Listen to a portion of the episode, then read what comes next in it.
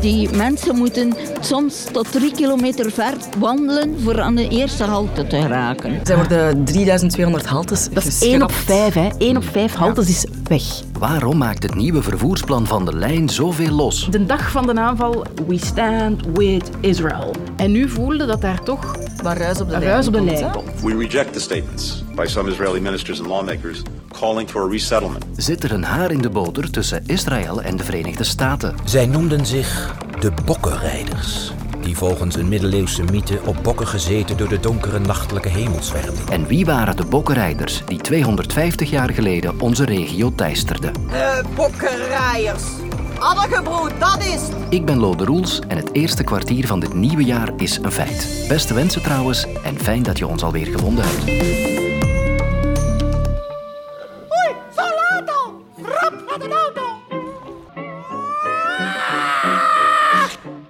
Laat je stress thuis. De stad beleven. Zoveel leuker met bus of tram. Zo klonk de reclame van de lijn ooit. Al vermoed ik dat vandaag eerder bus- en tramgebruikers stressmannetjes waren dan omgekeerd. Het was ja, een beetje moeilijk om te weten hoe laat het hier kwam. Normaal is het 10 minuten, maar nu zit ik meestal die kwartier op de bus. Echt heel kut. Vroeger opstaan en echt veel te veel op station. Ik moet pas binnen 40 minuten op school zijn en het is echt niet te doen. Ja, allemaal andere busuren voor deze studenten. Want sinds dit weekend is er een totaal nieuw vervoersplan bij de lijn van kracht. En dat brengt grote veranderingen met zich mee. Ik vat samen. 3200 haltes zijn geschrapt, oftewel bijna 1 op de 5 stopplaatsen verdwijnen. Ook enkele volledige buslijnen bestaan niet meer. Bussen zullen meer op de hoofdwegen rijden in plaats van door wijken. Dat maakt de bus een pak sneller. En bij haltes waar er niet regelmatig een bus komt, is er voortaan flexvervoer. Je kan 30 dagen tot een half uur op voorhand een bus reserveren. Een beetje zoals de vroegere belbus. Al die wijzigingen veroorzaken bij heel wat mensen problemen. Bij oudere mensen die slecht te been zijn en waarvoor de nieuwe halte veel te ver is, of voor mensen die niet meer goed op hun werk raken. Waar ik opstap, ik kan daar niet meer opstappen, want die lijn die rijdt daar niet meer. Dan moet ik eerst naar de Centro en dan zo naar Meerhout rijden. Maar wat zijn ze dan bezig? Of bij jongeren die naar school gaan. Zo is er bijvoorbeeld een halte voor een school buitengewoon onderwijs in Hasselt helemaal geschrapt. Het is een beetje vervelend. Waarom? Omdat het, het is wat gevaarlijker, langer wandelen. En ja, er is geen voetpad of fietspad hier. Dus echt gewoon een straat. Voel je je minder veilig dan bij de vorige?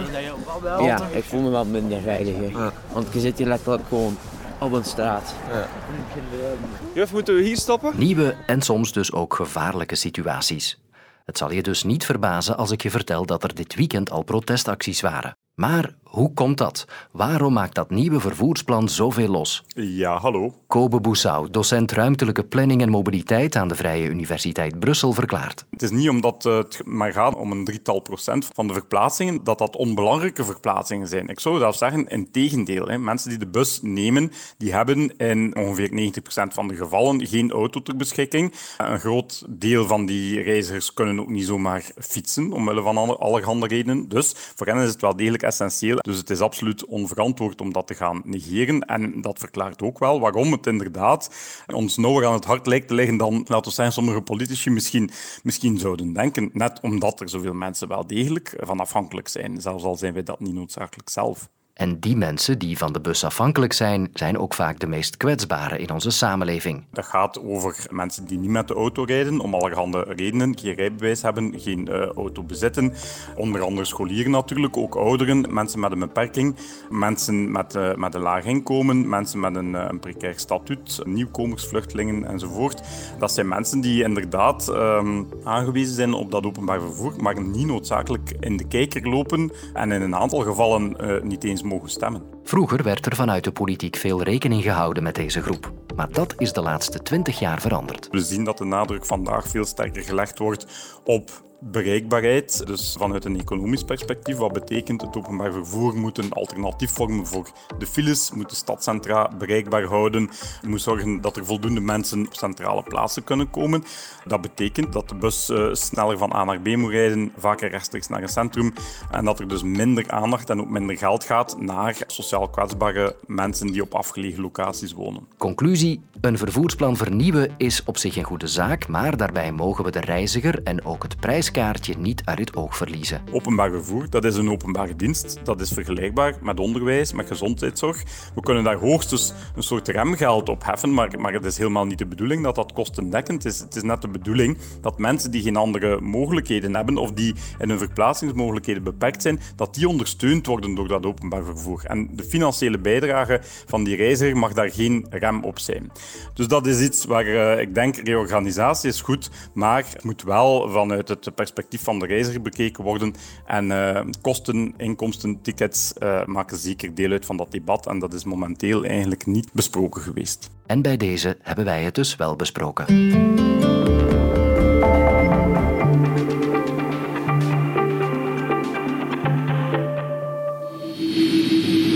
De Amerikaanse minister van Buitenlandse Zaken Anthony Blinken is bezig aan een rondreis door het Midden-Oosten. Vandaag is Blinken in Saudi-Arabië. De komende dagen reist hij naar Israël en de Palestijnse gebieden.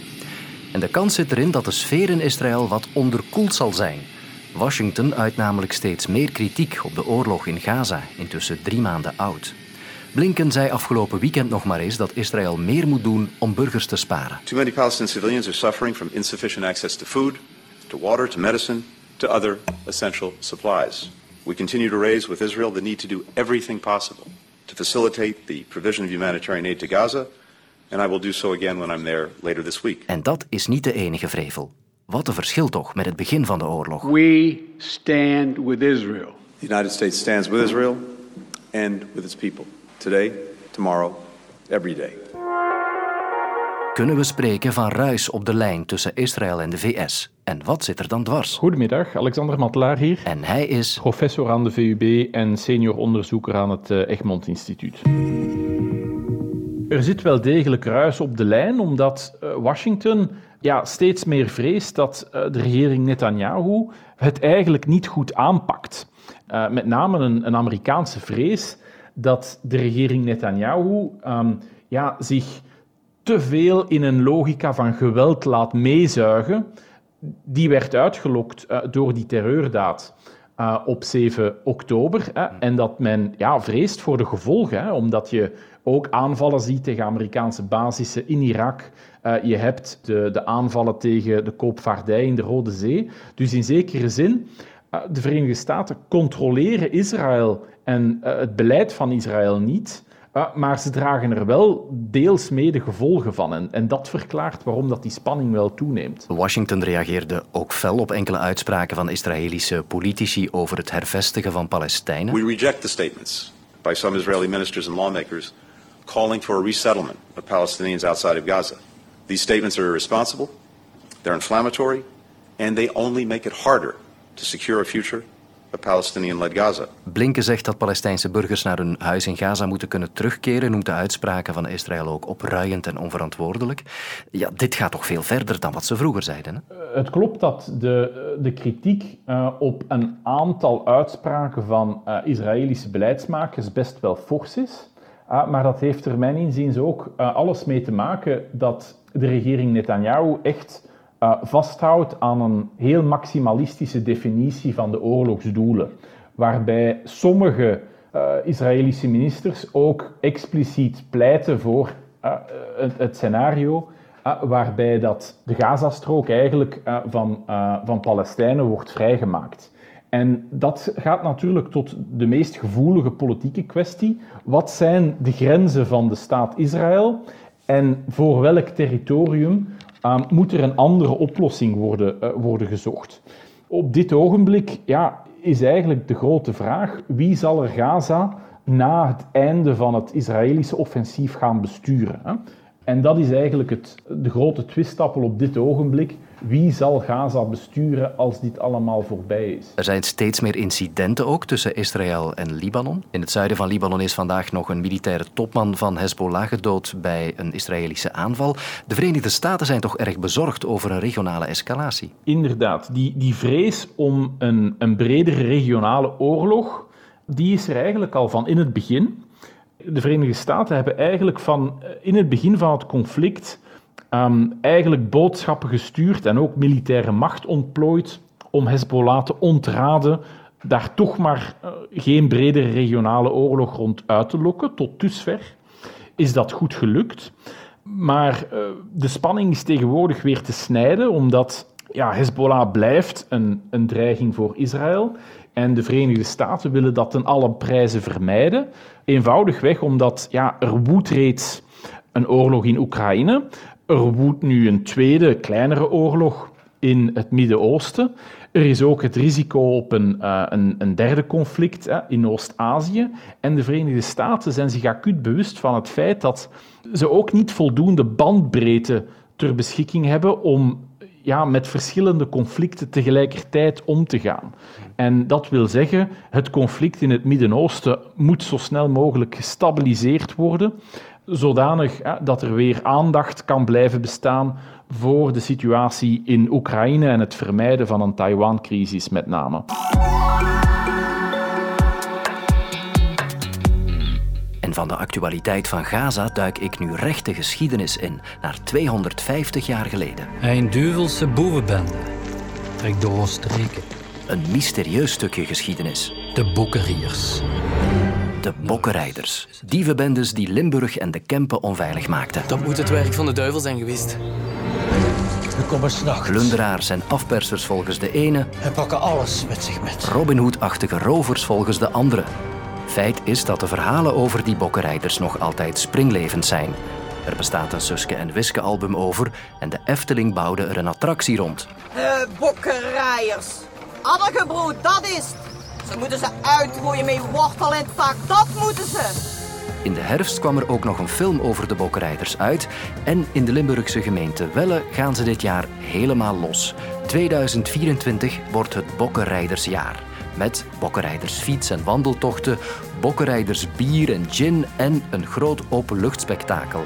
Met de stem van Herbert Vlak. Wees dus gewaarschuwd. Kijk, dat is een geschiedenis waar ik meer over wil weten. Ik ben er, Anne Neven, ja. En deze Anne Neven uit Welle is daar geknipt voor.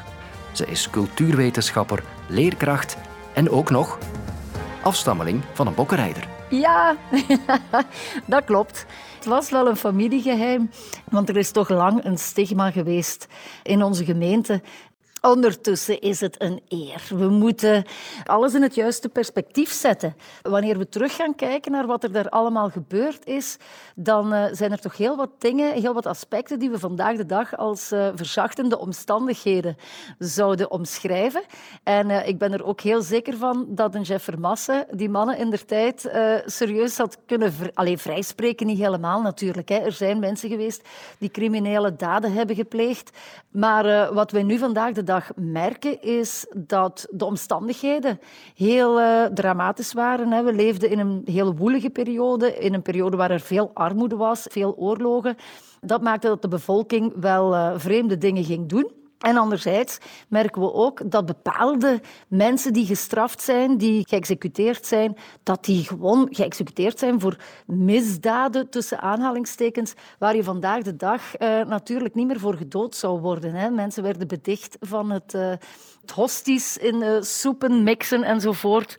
En ik kan me niet meer echt voorstellen dat het vandaag de dag een groot misdrijf zou zijn. Soms worden ze gepresenteerd als Robin Hoods. Ze stelen van eh, de rijken en geven het aan de armen. Zo zou ik het niet stellen. Het zijn meestal mensen die zelf in de penarie waren gekomen. Sommigen ook gelukszoekers die uh, dachten een extra centje bij te kunnen verdienen door uh, te gaan stelen bij mensen die wel natuurlijk centen hadden. Er werden vaak brandbrieven gelegd. Een brief die wordt ja, onder de deur geschoven. En daarin staat dat er een bepaald bedrag moet betaald worden. En als dat bedrag niet wordt betaald, dan zou de hoeve van die uh, rijke heer of het huis van die rijke heer zou in brand gestoken worden of uh, die persoon zou iets ergs overkomen. Dus er wordt serieus gedreigd. Het gaat eigenlijk over criminele mensen die uh, in bendes samen proberen een centje bij te verdienen of ervoor te zorgen dat ze niet aan de hongersnood zouden gaan sterven. Daar komt het op neer. En die bendes noemden zich dus bokkenrijders. Ze beweerden dat ze samenwerkten met de duivel en door de lucht reden op vliegende bokken. Het is dus geen wonder dat die verhalen blijven fascineren. Wij hebben ook nog die locaties waar mensen naartoe kunnen gaan. Dus zelfs voor ik wist dat ik een nazaat van een bokkenrijder was, wist ik waar uh, ze vergaderden in de Lieve Herenboom, zo'n oude eik, waar ze dan zouden zijn samengekomen. En als kind stimuleert dat natuurlijk uw fantasie ook. Hè. En de Bonderkuil, 18 mensen zijn daar terechtgesteld. Straf, hè? Dat is een verhaal wat in zo'n gemeente niet vergeten wordt, omdat er zoveel mensen betrokken waren boeren, mensen die in de problemen geraken, die tot wanhoopsdaden overgaan. Dat is denk ik ook wel iets wat de mensen aanspreekt. Dat het daarom ook nog zo lang, 250 jaar na datum, nog steeds leeft. Ja, 250 jaar later vond het dus ook nog eens een weg naar deze podcast. Als een van de drie verhalen die we vandaag in de kijker hebben gezet. Morgen beginnen we met een schone lei. Tot dan. In de podcast Sportstad Daily behandel ik, Jonathan Mettenpenningen, dagelijks een prangende sportvraag. Luister elke werkdag om 16 uur in de app VRT Max.